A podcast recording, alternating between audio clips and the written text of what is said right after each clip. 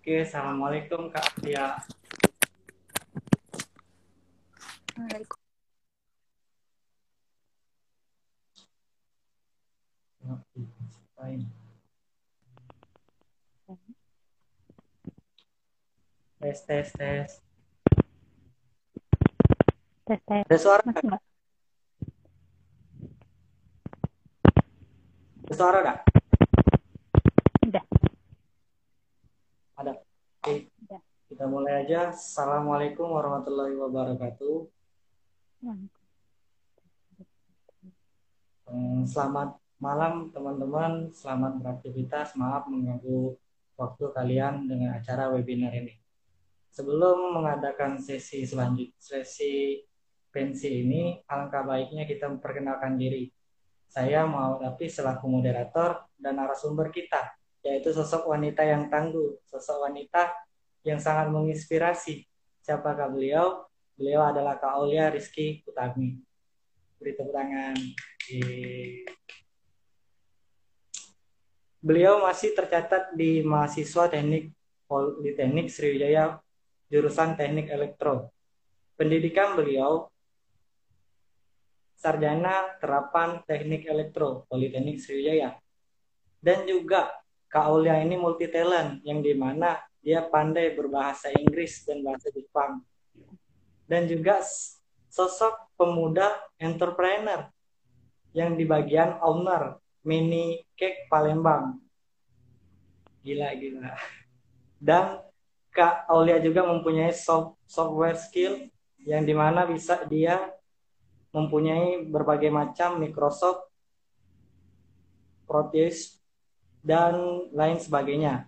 Pengalaman pengalaman kerja Kak Aulia pernah pernah bega- pernah kerja di Scan Covers INS Philippines pada tahun 2019 dan PT PH Engineering 2000 pada tahun 2020 dan 2021. Nah, yang saya sangat kagumkan kepada Kak Aulia, banyak pengalaman dan organisasi. Nah, saya kalau dihitung dari CV-nya Kak Kak Aulia mempunyai 21 pengalaman dan organisasi. Dan saya ambil intinya saja, Kak Aulia adalah finalis mahasiswa berprestasi nasional bidang diploma 2020. Nah, dan juga Kak Aulia ini beralamat di Jalan Rawasari, Sekip Ujung. Benar ya, Kak? Iya, benar.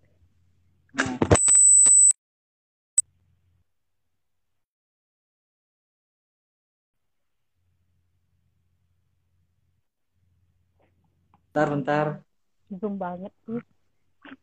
Bukan, Kak, nyampak.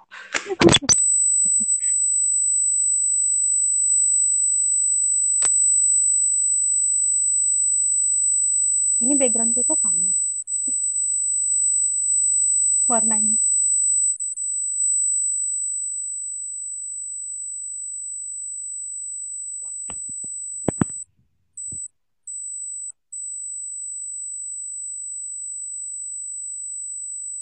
Gak ada suara sih.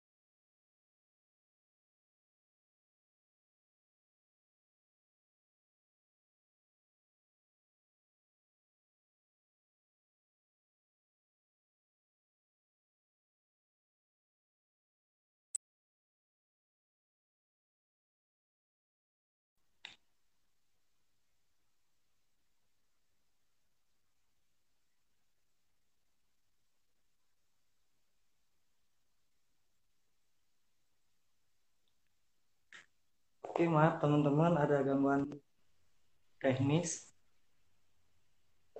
Masih kedengaran enggak Kak, suara? Udah, udah. Oke. Eh, mohon maaf kepada teman-teman ada kesalahan teknis dari saya selaku moderator. Oke, kita langsung lanjut yang di mana malam ini kita akan eh, melakukan pensi yang bertema peran pemuda dalam berpikir kritis untuk meningkatkan kreativitas dan inovasi bangsa. Nah, dari CV yang aku baca tentang Kak Aulia, Kak Aulia ini adalah sosok pemuda, pemuda yang mana dia telah ber, berpengalaman yang banyak dan berorganisasi juga banyak di bidang bidang di Politeknik Sriwijaya. Menurut Kak Aulia nih, peran pemuda seperti apa sih Kak menurut Kakak untuk bangsa? Yang pastinya ya pemuda itu kan e, seseorang yang bakal melanjutkan gimana sih nasib Indonesia ke depannya. Yang pastinya diharapkan pemuda-pemuda pemuda-pemuda Indonesia ini dituntut untuk e, menjadi jiwa yang kreatif, inovatif, biar Indonesia ini bisa lebih maju lagi. Jadi peran pemuda ini sangat penting demi uh, tercapainya cita-cita Indonesia. Oh, contohnya uh, selama kakak berpengalaman sebagai pemuda yang berprestasi di bidang apa sih? Di tingkat nasional seperti apa sih kak? So, eh, motivasinya gitu? Uh, gini ya, uh, kenapa aku ikut berbagai kegiatan itu karena aku punya alasan tersendiri uh, di saat di, di saat aku menjadi mahasiswa biasa uh, itu sangat susah untuk menyampaikan ide-ide untuk menyampaikan gagasan-gagasan kreatif. Tapi di saat aku terpilih kemarin alhamdulillah menjadi mahasiswa berprestasi itu alhamdulillah menjadi lebih mudah untuk menyampaikan ide-ide kreatif yang aku miliki untuk menyampaikan niat-niat baik yang aku miliki. Seperti kemarin melakukan pengabdian di salah satu desa itu menjadi lebih mudah terlaksana dan lebih didukung juga oleh lembaga itu uh, dalam cakupan yang kecil. Nah, jadi kalau kita pengen didengarnya sama pemerintah ide-ide kita ya, kita harus berusaha lebih, kita harus memberikan ide-ide kreatif kita dengan cara yang terbaik yang bisa didengar oleh pemerintah. Oh, oke baiklah. Cara uh, sebagai peran pemuda kalau dipandang oleh masyarakat dan seluruh Indonesia nih kayak uh, bagaimana sih caranya kita tuh harus meningkatkan soft skill kita agar kita tuh dipandang oleh seluruh masyarakat dan seluruh Indonesia juga. Untuk dipandang ya, sebenarnya hmm, itu bisa-bisa kita improve kemampuan yang ada di diri kita. Aku aja pribadi orangnya waktu aku SMA dulu aku pemalu, aku nggak kenal, nggak nggak mau kenal sama dunia luar. Aku juga apa ya kayak antisosial lah pokoknya tapi aku uh. mikir oh aku nggak bisa nih gini terus. Aku harus berubah. Jadi ya lama-lama dilatih. Dan awalnya itu kepaksa karena disuruh dosen ini disuruh itu. Kemudian ya lama-lama oh ternyata lagi ya enak ternyata kayak gini. Berarti kita tetap harus mengasah terus menerus sih untuk meningkatkan soft skill oh. itu. Perlu kemauan dari diri kita sendiri. Nggak bisa tuh e, misalnya kita mau tiba-tiba jadi pinter ngomong. Enggak nggak ada yang instan semuanya. Jadi e, kita harus latihan latihan latihan. Oke. Latihan latihan dan latihan. Ketika kita sedang berlatih kayak uh, ada ketika kita sedang naik. Dan satu kemungkinan so, uh, kita mengalami uh, apa namanya itu masa. Kita akan akan down. Nah bagaimana cara mengatasi masalah tentang yang mudah down itu kan hmm, waktu kita di saat down gitu ya sebenarnya hmm. um, saya semuanya tuh kembali ke niat kita. Oh niat kita itu misalnya ikut kegiatan ikut suatu lomba ya niat kamu apa? Kalau niat aku tuh pribadi biasanya untuk latihan untuk membentuk karakter diri aku sendiri. Jadi ketika aku kalah oh bukan berarti aku harus ngedown bukan berarti itu akhir dari segalanya. Mungkin dengan aku gagal ini pasti ada suatu hikmahnya lagi di depan nanti contohnya juga kayak aku untuk masuk perguruan tinggi. Kemarin awalnya yang diincar itu sebenarnya bukan polri nah tapi Hmm. ya karena kodarullah ya nggak ada yang lulus saat itu. Jadi eh, hingga saat ini aku kuliah di Polsi tapi nyatanya aku kuliah di Polsi itu setelah aku jalani nggak seburuk yang apa yang aku pikirin sebelumnya. Ternyata di Polsi aku bisa lebih berkembang bisa lebih menyampaikan ide-ide kreatif aku. Ternyata banyak loh hikmahnya. Iya benar juga. Dari Apis Baco di CV kakak ada 21 nih kak pengalaman dan organisasi. Nah, aku pernah lihat kakak ini adalah peserta pelatihan aplikasi Geographical Informasi System dan Unmed Arrival eh, Phoenix. Nah, ini kan tentang pelatihan nih kak. Pada tahun kakak tuh kan eh, masa-masanya baru masuk perkuliahan, bener kan? Nah, kenapa sih kakak tuh langsung ikut terjun ke pelatihan tersebut? Padahal kakak tuh belum berpengalaman. Iya. Ini kan Eh, penting karena- juga untuk pemuda, bener kan? Iya. Karena aku ngerasa belum berpengalaman dan saat itu aku ngelihat apa ya, ngelihat broadcastnya, oh ternyata ada pelatihan tentang drone loh, tentang mapping juga. Dan saat itu kan aku benar-benar buta, benar-benar nggak tahu tentang hal itu. Tapi saat itu emang aku udah tertarik sama yang namanya drone atau yang sejenis-sejenisnya itu. Makanya dari situ, oh ada kesempatannya. Berarti eh, aku bisa nih ikut, aku bisa nambah pengalaman dengan cara ikut pelatihan-pelatihan seperti itu. Hmm, oke. Nah, dan juga kayak aku merasa bukan merasa sih, aku merasa eh bukan merasa apa namanya? Aku sangat kagum dengan kakak karena apa? Kakak finalis mahasiswi berprestasi tingkat nasional diploma 2000 eh, di bidang diploma kakak pada tahun 2020. Nah, kan ini kan kita balik lagi tentang pemuda lah ya. Nah, ngapa kakak tuh langsung ngambil eh, nentu ke langsung ngambil finalis mahasiswa berprestasi tersebut. Eh, cara cara mendapatkan cara mendapatkan eh, prestasi prestasi tingkat nasional di bidang diploma di diploma kakak. Mahasiswa berprestasi itu ya? Ah, sebenarnya sebenarnya itu nggak ada yang instan sih nggak ada aku langsung jadi mahasiswa berprestasi itu enggak dari awal juga nggak kepikiran. Tapi ada seseorang yang memotivasi aku ialah kakak aku sendiri. Dia menjadi salah satu finalis mahasiswa berprestasi nasional juga saat itu. Nah dari situ kayak oh ternyata gini loh jadi mahasiswa berprestasi nasional itu bisa kenal sama mahasiswa-mahasiswa berprestasi dari universitas lain bisa punya koneksi yang lebih luas. Nah dari situ aku terinspirasi oh gimana sih kalau misalnya suatu saat aku juga jadi mahasiswa berprestasi? Nah hmm. itu awal mulanya aku ikut tahun 2019 kalau nggak salah. 2019 tapi saat itu baru menjadi runner up nah kemudian aku ikut lagi di tahun 2020 dan alhamdulillah menjadi mahasiswa berprestasi utama Nah, untuk sampai ke jenjang nasional itu juga butuh perjalanan yang panjang, butuh struggle yang lebih kuat lagi.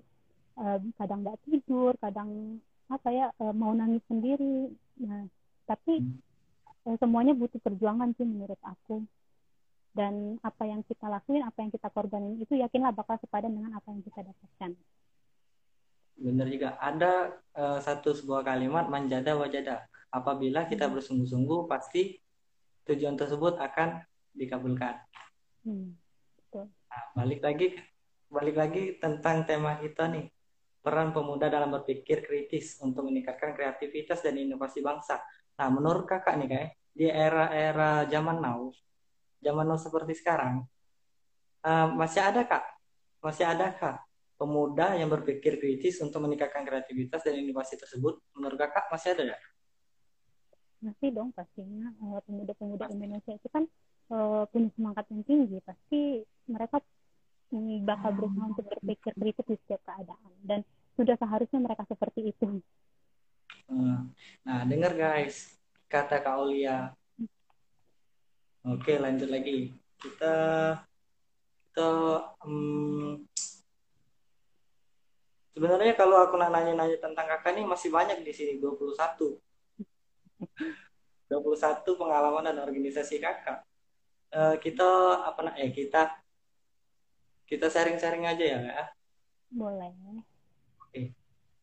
di masa kakak masuk perkuliahan Politeknik Sriwijaya tuh ya, nah, katanya kakak tuh tadi bilang tidak kepengen masuk Politeknik Sriwijaya. Nah, maunya ke mana sebut merek dong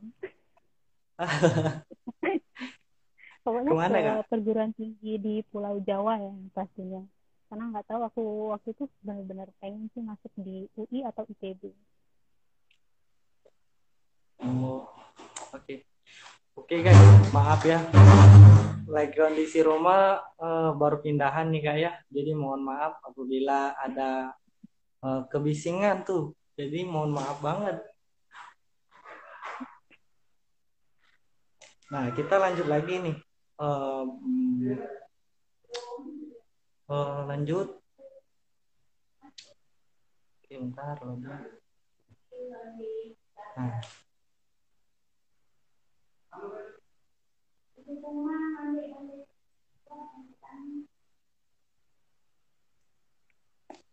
kalian jangan saplok ya. Soalnya background Kak Aulia sama background aku hampir sama. iya itu aku di depan aku di Sumpah. dalam Baru nggak aku kak? Baru nggak aku. Oh, Oke lanjut lagi kak. Pertama kan kata kakak tadi tidak mau pengen masuk Polri dan maunya ke perguruan tinggi yang katanya di mana tadi kak? ya di Pulau Jawa lah pokoknya Di Pulau Jawa. Namanya Hmm. univnya apa kak? aku pengen masuk UI atau ITB waktu itu Oh. Kenapa tidak langsung masuk ITB kemarin? aku sempat ikut tes tapi Ah. ya kehendak Tuhan lain jadi aku Oh. nggak lolos saat itu Nah, buat teman-teman nih, apabila nanti ada eh, selama perjalanan kami berbicara, apabila terdapat eh, ingin yang kalian sampaikan atau ditanyakan, boleh komen di bawah ini ya. Kami tunggu. Nanti ada dopres nih dari Kaulia sebagai owner mini cake Kota Palembang. Wow. Sosok pemuda, mahasiswi loh. Iya. Kalian nggak mau nih belajar tentang pertanyaan kalian nggak mau nih belajar ten- eh, belajar dengan Kaulia. Kaulia ini orangnya sangat multi talent kalau saya lihat, di mana Kaulia ini bisa belajar eh, bisa berbahasa Inggris, bisa berbahasa Jepang. Saya juga walaupun usaha perjalanan wisata, tapi saya agak minim tentang bahasa-bahasa Jepang gitu. Jadi agak kurang. Nanti kita belajar dengan Kak Aulia. Nah, balik lagi kita ke tema tema peran pemuda nih. Oh, pemuda bentar kita lihat ini.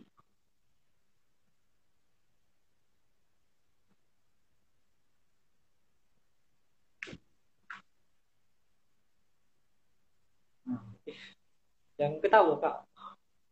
enggak aku baca komen-komennya ya Nah,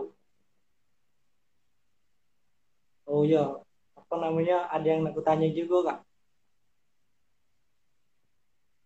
Ini kan ada juara dua, ada ada juara dua dan satu runner up mahasiswa berprestasi Polsri itu pada tahun berapa ya kak?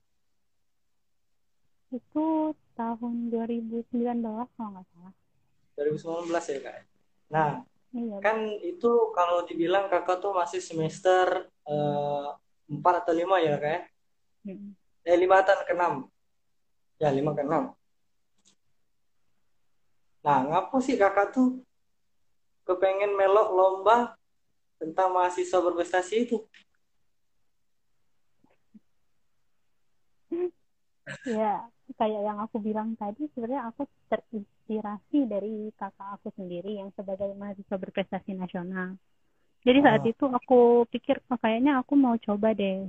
Dan juga hmm, aku emang apa ya emang eh, mahasiswa berprestasi itu ajang yang lumayan bergengsi di tingkat nasional. Jadi saat itu aku benar-benar pengen kayaknya nggak seru nih bisa kenal sama mahasiswa-mahasiswa yang dari luarnya Oh, jadi kakak tuh kalau saya ambil intinya kakak mau menambah relasi dan menambah pengalaman dan menambah wawasan dan menambah teman. Sekali mendayung saling dua memilih. pulau terlampaui. Oh. Tapi sebelumnya tuh ya kak ya, kan kita balik lagi tentang prestasi kakak nih kan. Kakak dulu tuh wongnya agak pemalu, bener ya kak ya? Nah ngapo kakak tuh langsung terjun tiba-tiba ah aku harus bisa nih. Ah aku harus berjuang nih kalau uh, aku nih bisa di sini bisa di tempat ke mahasiswa berprestasi. Nah dengan cara yaitu kakak tuh membuat kami ini semakin bermotivasi bahwa kami ini harus bisa lebih dan yakin bahwa sesungguhnya sosok sosok sesosok pemuda yang berkreativitas dan inovasi bangsa itu bisa memajukan Indonesia ke depannya. Balik lagi pertanyaan aku kak eh. Hmm. Ngapo kenapa kakak tuh kepengen banget e, menambah wawasan di bidang mahasiswa berprestasi di tingkat nasional? Hmm, karena uh, satu aku pengen ide-ide aku itu bisa didengar oleh orang lain, bisa didengar oleh pemerintah, bisa didengar oleh lembaga, dan juga itu lebih mudah untuk terwujud kalau misalnya dengan cara berprestasi. Jadi uh, di saat aku menjadi mahasiswa biasa nih, untuk men, apa ya untuk melakukan suatu gebrakan untuk melakukan uh, menyampaikan suatu ide itu lumayan susah ada dua cara yang pertama ialah dengan melakukan apa ya demonstrasi seperti itu demo atau dengan hmm. cara prestasi dan aku hmm. milih hmm. cara berprestasi itu untuk menyampaikan ide dan gagasan itu kenapa tidak dengan demokrasi eh demokratis ya ya itu kenapa bisa juga tidak? kan untuk menyampaikan pendapat tetapi di sini kan konteks pendapatnya itu berbeda uh, pendapat hmm. yang dari aku itu merupakan ide ataupun gagasan yang pengen aku implementasikan nih untuk uh, membawa Indonesia lebih maju lagi.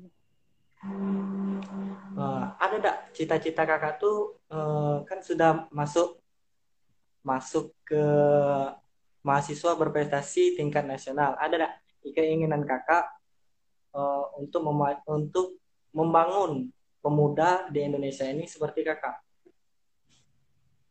Gimana? Oh, maksudnya gini kak. Ada cita-cita kakak untuk membangun kami nih pemuda, adik-adik kakak nih, untuk berjuang hmm. bersama-sama bahwa kita tuh harus berjuang sama-sama untuk mendapatkan prestasi tingkat nasional. Gebrakan dari akunya ya, atau gimana? Gebrakan kakak.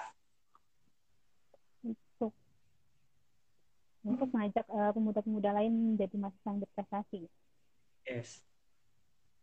Ya, um, sebenarnya itu dari niat masing-masing ya. Iya, tapi dari niat kakak ada nggak? Iya, tentunya ada sih. Makanya ada forum sekarang ini kan apa sih pemuda inspiratif ya. Yang ah. aku harapkan ke depannya ini apa yang aku lakukan ini bisa menginspirasi orang lain karena yang seperti yang kita katakan inspiratif itu apa yang kita ciptakan diterima dan diikuti oleh orang lain. Nah, aku pengennya pemuda-pemuda lain itu mempunyai semangat yang sama, mempunyai motivasi yang sama untuk membangun Indonesia. Oh, oh benar juga ya.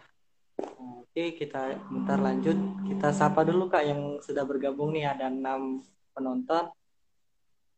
Halo Kak Febriansa. Halo Kak Redi Hartono. Halo Satrio Nur dan Kak Cing Cing. Cing Cing. Lucu nih namanya. Halo Cincin. Halo Cincin. Ah, Oke okay, buat teman-teman apabila ada yang ingin bertanya silakan bertanya di kolom komentar. Yang tem ini temanya berjudulkan peran pemuda dalam berpikir kritis untuk meningkatkan kreativitas dan inovasi bangsa. Untuk kawan-kawan saya ingatkan lagi apabila ingin bertanya silakan bertanya dan diketik di kolom komentar. Kita tunggu ya, Kak. Habis sekarang kegiatannya apa nih? Habis kegiatannya. Kegiatannya sekarang lagi pindah-pindah. Beres-beres rumah. Kalau kegiatan kampusnya masih online? Oh, kegiatan. Alhamdulillah kalau kegiatan kampus kemarin sudah selesai UAS semester 3 kemarin ini mau masuk semester 4 di bulan 2. Hmm. Sepertinya tidak ada yang ingin bertanya, Kak. Padahal loh, kalau kalian ingin bertanya nih, dopresnya sangat, buh, meriah banget nih. Bener ya kak? Tapi Iya, sayangnya kalau spesial. kalian nggak, iya. Tapi sayangnya kalian tidak ingin bertanya. Waduh. Kalau Apis mah udah nanya dari tadi. Hmm. Tanyaan aku itu enjim banget. Oh dading. Oh. Kakak kegiatan selama oh, di rumah aja apa aja tuh kak? Selama kakak di rumah aja nih, apa kegiatan kakak selama ini? Oh, aku nggak di rumah aja dong. Di rumah aja? Enggak. Aku sekarang lagi kerja praktek. Oh kerja praktek. Di mana itu kak? Aku di Bekasi. Di Bekasi. Mm-mm. Oh sekarang di Bekasi kakak? Iya, tapi udah udah terakhir hari Jumat kemarin. Nah itu kan praktek. Pengalaman kakak pas praktek itu terjun ke dunia nyata tuh cak mana kak? Beda kak dengan Dunia dunia nyata, dunia kerja, Apis. dunia kerja? Ya kan ada. Ya, dunia kerja gimana tuh? Iya. Yang pastinya dunia industri itu nggak seramah apa yang kita pikirkan. Jadi Hmm. eh, kita itu dituntut untuk struggle, untuk banyak mengerti eh, banyak hal ya.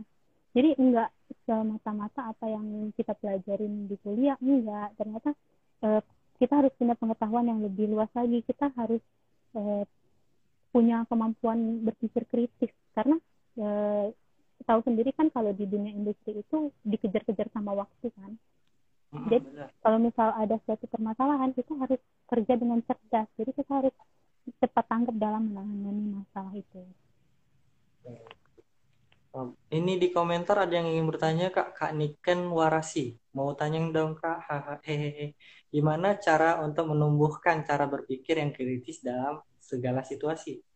Nah, gimana itu kak? Ah, hmm, baiklah. Eh, gimana sih cara eh, menumbuhkan apa ya ber- eh, cara berpikir yang kritis?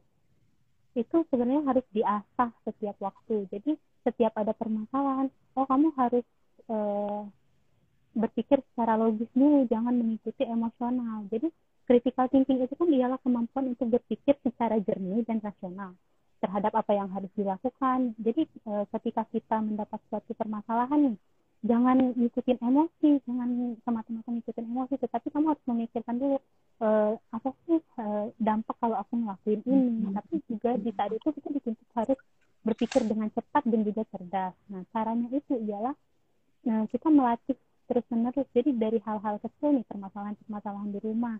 Misal ada suatu permasalahan apa, ada kerusakan apa. Oh, apa sih solusinya? Kita harus cepat tanggap dalam hal-hal seperti itu. Nah, hal-hal seperti itu akan membuat kita semakin keras untuk berpikir dan lama-lama kita akan menjadi semakin kritis dan otak kita bakal kerja semakin cepat menurut aku. Jadi lama-kelamaan kita eh, secara tidak langsung bakal cepat tanggap terhadap suatu permasalahan. Nah, itulah yang disebut dengan critical thinking. Nah, jadi saya ambil kesimpulan dari jawaban Kak Nika Aulia dari pertanyaan Kak Niken bahwasannya kalau menumbuhkan cara berpikir yang kritis dalam segala situasi itulah pemikiran kita harus logis. Jangan pemikiran kita harus uh, menuruti keegoan kita. Karena apa? Karena kalau kita mengikuti ego kita tidak semua per, semua permasalahan itu akan terjawab dengan mudah melainkan beribut-ribut benar ya kak? Iya benar. Oke okay, ada pertanyaan lagi nih kak. tetapi jangan. Jangan apa kak? Ya jangan eh, apa ya terlalu terburu-buru dalam mengambil keputusan dalam menyelesaikan masalah tetapi kita juga di situ jangan terlalu terlena terhadap waktu. Jadi tetap berpikir apa sih solusi terbaik dari suatu permasalahan tersebut. Hmm. nah, buat kak Niken apakah sudah jelas? Apabila belum jelas nanti boleh bertanya di kolom komentar lagi ya oke lanjut ke katika.rs wah assalamualaikum waalaikumsalam kak kayaknya keren banget pengalaman kakak. Gimana sih kakak bisa bagi waktu sehingga prestasi keren terus organisasi bisa keren juga kak. Mungkin bisa dikasih tips. Nah, jadi kesimpulannya tuh kayak Kak Atika ini ingin meminta tips dari kakak. Gimana tuh cara mendapatkan prestasi yang keren terus organisasi juga bisa keren. Dan mengatur mengatur waktu di masa mahasiswa sekarang. Hmm, sebenarnya gimana ya? uh, kita harus uh, mau harus pertama kita harus mau dulu dan juga harus berani ambil resiko. Jangan terus-terusan berada di zona nyaman. Mentang-mentang oh ini udah enak aku nggak berani sih jadi mau ngapa-ngapain. Jangan itu hal sesuatu yang harus dilawan sih menurut aku. Karena kalau kita terus-terusan seperti itu kita nggak bakal berubah kita nggak bakal punya motivasi kita nggak bakal terpacu tuh buat ngapa-ngapain. Nah terus juga menurut aku lingkungan itu mempengaruhi seseorang. Jadi kalau kamu pengen uh, punya kegiatan yang bagus punya prestasi-prestasi yang bagus uh, usahakan kamu uh, punya lingkungan yang mendukung kamu untuk menjadi sosok yang seperti itu ya dengan ikut-ikut kegiatan-kegiatan webinar itu bisa meningkatkan motivasi kita.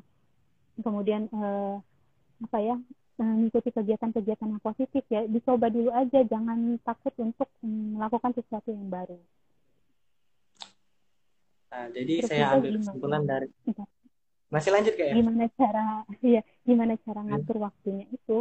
Ya aku aku pribadi juga masih sering lo tabrakan untuk ngatur jadwal-jadwal ngatur waktu tapi uh, kita harus bisa mengurutkan mana sih yang prioritas yang harus kita lakukan nah setelah itu kita bakal tahu uh, kita melakukan hal yang paling utama terlebih dahulu baru nanti yang lainnya itu menyesuaikan oh. Jadi saya ambil kesimpulan dari pertanyaan Kak Atika dan jawaban dari Kak Aulia. Ini sesung ini tipsnya atau Kak Aulia kita tuh harus menambah pengalaman juga di segala organisasi karena apa?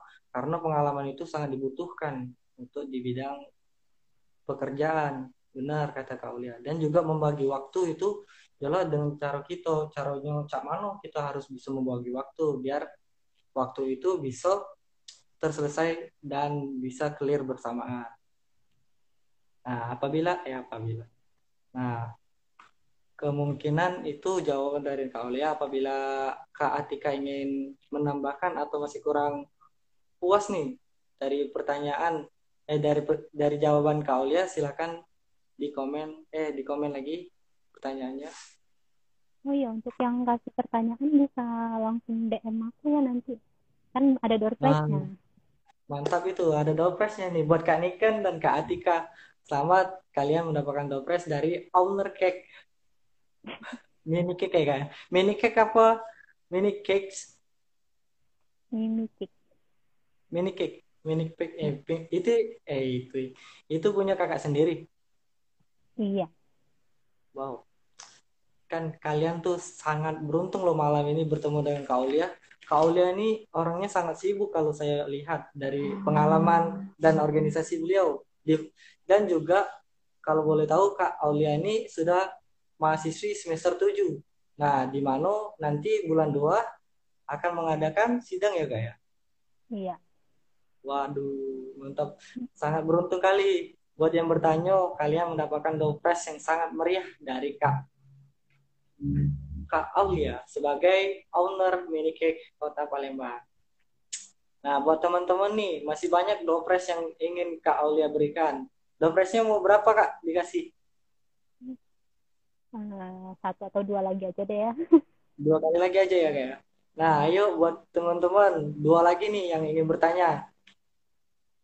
Kalau kalau ingin bertanya, temanya peran pemuda dalam berpikir kritis untuk meningkatkan kreativitas dan inovasi bangsa. Bukan ingin, bukan apa namanya, bukan dalam tema aja. Kalian bisa bertanya bisa di uh, apa kak? Iya bisa tanya tentang apa pun lah. Iya bisa bertanya tentang apa pun ke Kak Aulia. Ayo dua orang lagi nanti mendapatkan dopres yang sangat meriah dari Kak Aulia. Kami tunggu 10 detik ya kak. Hmm? Kita tunggu pertanyaannya 10 detik apa satu menit nih? Terserah deh. Terserah ya. Ya udah kita tunggu. Kita bincang-bincang lagi aja ya kak. Nah, kan apa namanya kayak kita ini sudah uh, sudah tercantum sudah tercatat di mahasiswa nih.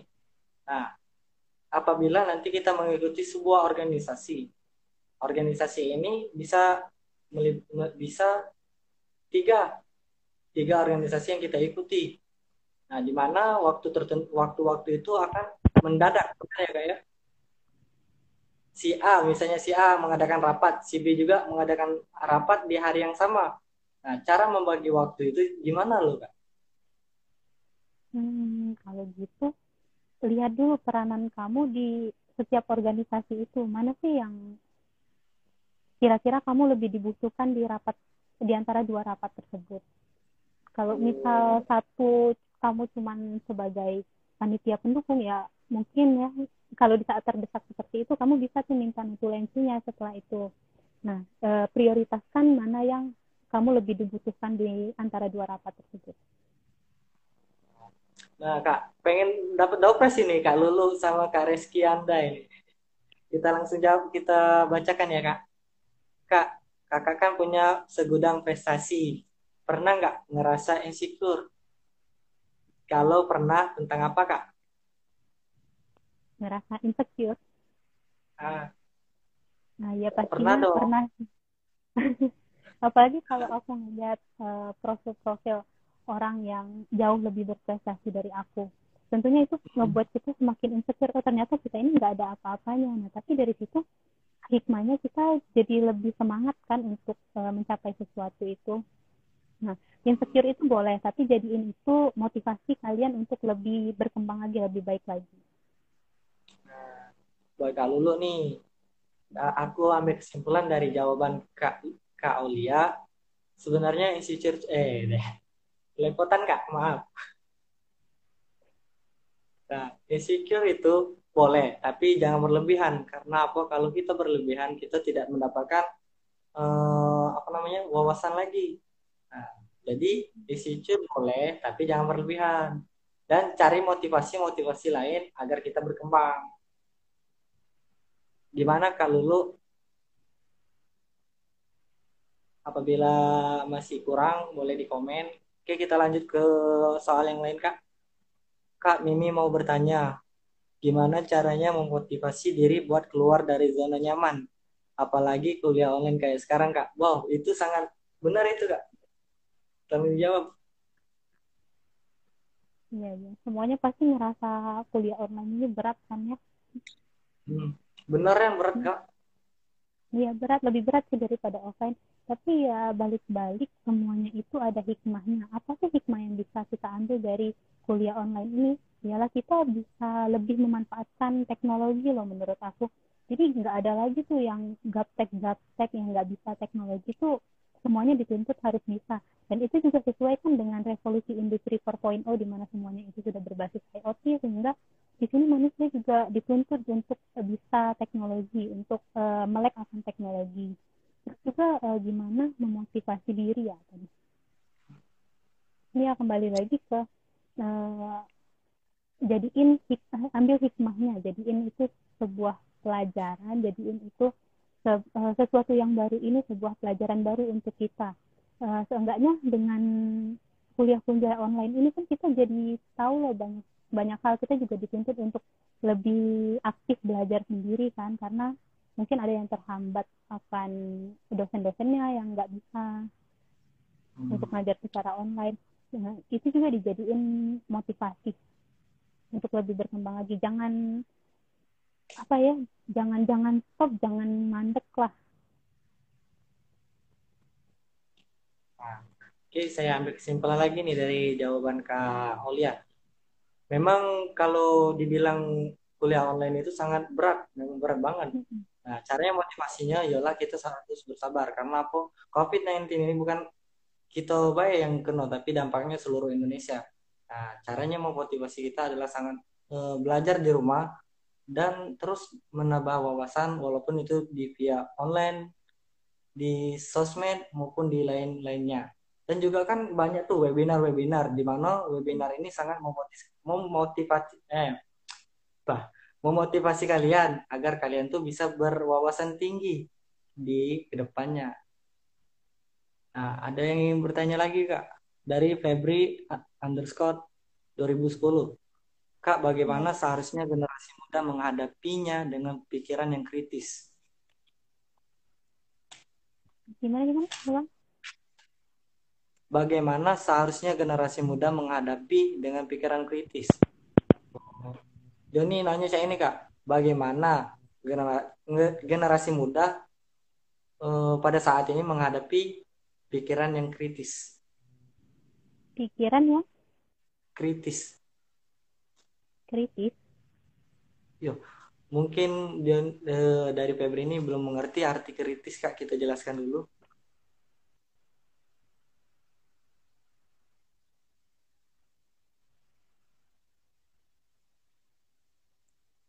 Maksudnya tuh yang berpikiran iya, kritis, iya, Kak. Uh. Uh. Ya, jadi aku jelasin lagi deh apa sih critical thinking itu apa sih ya? Ya, critical thinking atau berpikir kritis itu ialah suatu keterampilan yang memungkinkan seseorang untuk membuat keputusan yang logis berdasarkan informasi yang didapat dan itu juga harus diolah sesuai dengan kemampuan kita. Nah, di critical thinking ini kita harus lebih rasional, harus lebih menggunakan logika daripada emosi. Hmm. Jadi gimana buat Febri? Apakah masih kurang paham? Apabila masih kurang paham, boleh bertanya lagi. Soalnya kalau kami bilang pertanyaan Febri sangat kami asa dulu kembali karena apa ya masih berlibet-libet nih. Jadi kami ambil intinya aja uh, mungkin Doni bertanya cak ini kak, bagaimana generasi muda yang menghadapi menghadapi dengan pikiran yang sangat kritis. Oh, oh. Mungkin pertanyaan dia tuh dilibet-libet gitu.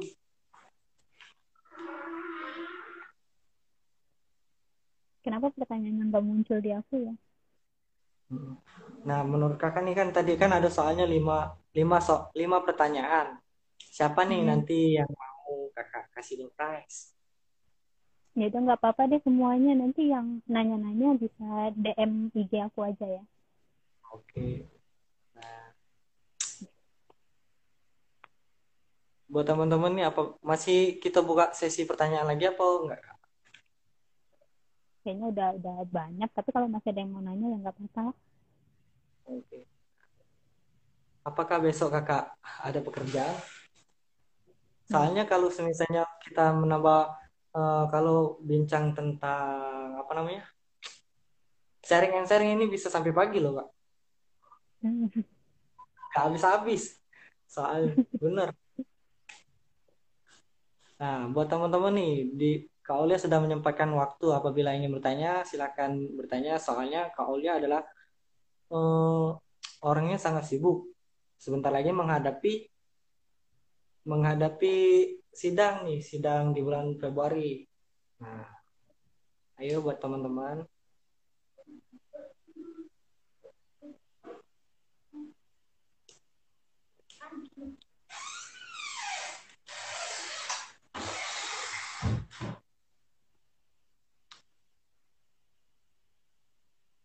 Sepertinya tidak ada lagi, Kak.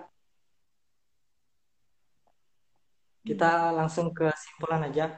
Menurut kakak nih kesimpulan dari peran pemuda yang berpikir kritis dalam melakukan meningkatkan kreativitas dan inovasi bangsa itu cak mana kak? Eh kesimpulannya salah maksudnya.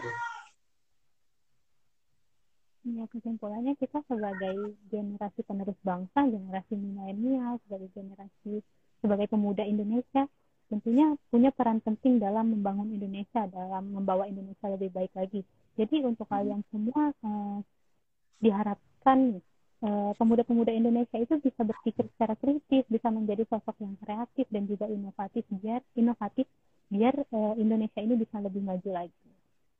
Nah, benar. Soalnya kalau kita bahas tentang prestasi-prestasi di Indonesia ini sangat sangat kalah dengan di luar negeri seperti di Jepang, Korea, dan Amerika. Sangat minim tentang pengetahuan.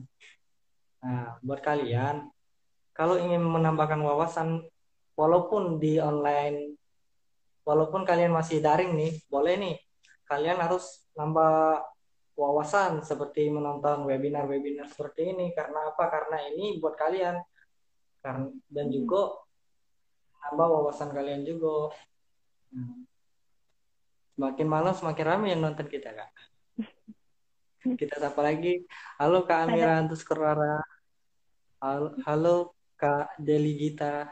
Halo juga buat Kak Nia Paradita. Kesibukan besok kakak mau ke mana? Pulang ke Palembang atau masih? Besok aku pulang, insya Allah. Pulang ya? Waduh. Sangat. Naik apa kak? Naik pesawat atau naik? Naik pesawat. Naik pesawat ya? Enggak, enggak ngeri tuh kan ada korban tuh SJ. Sriwijaya akhir jatuh di ya, Pulau mohon, Seribu. Mohon doanya aja deh ya. Karena Amin. semua yang terjadi itu sudah ketetapan Allah.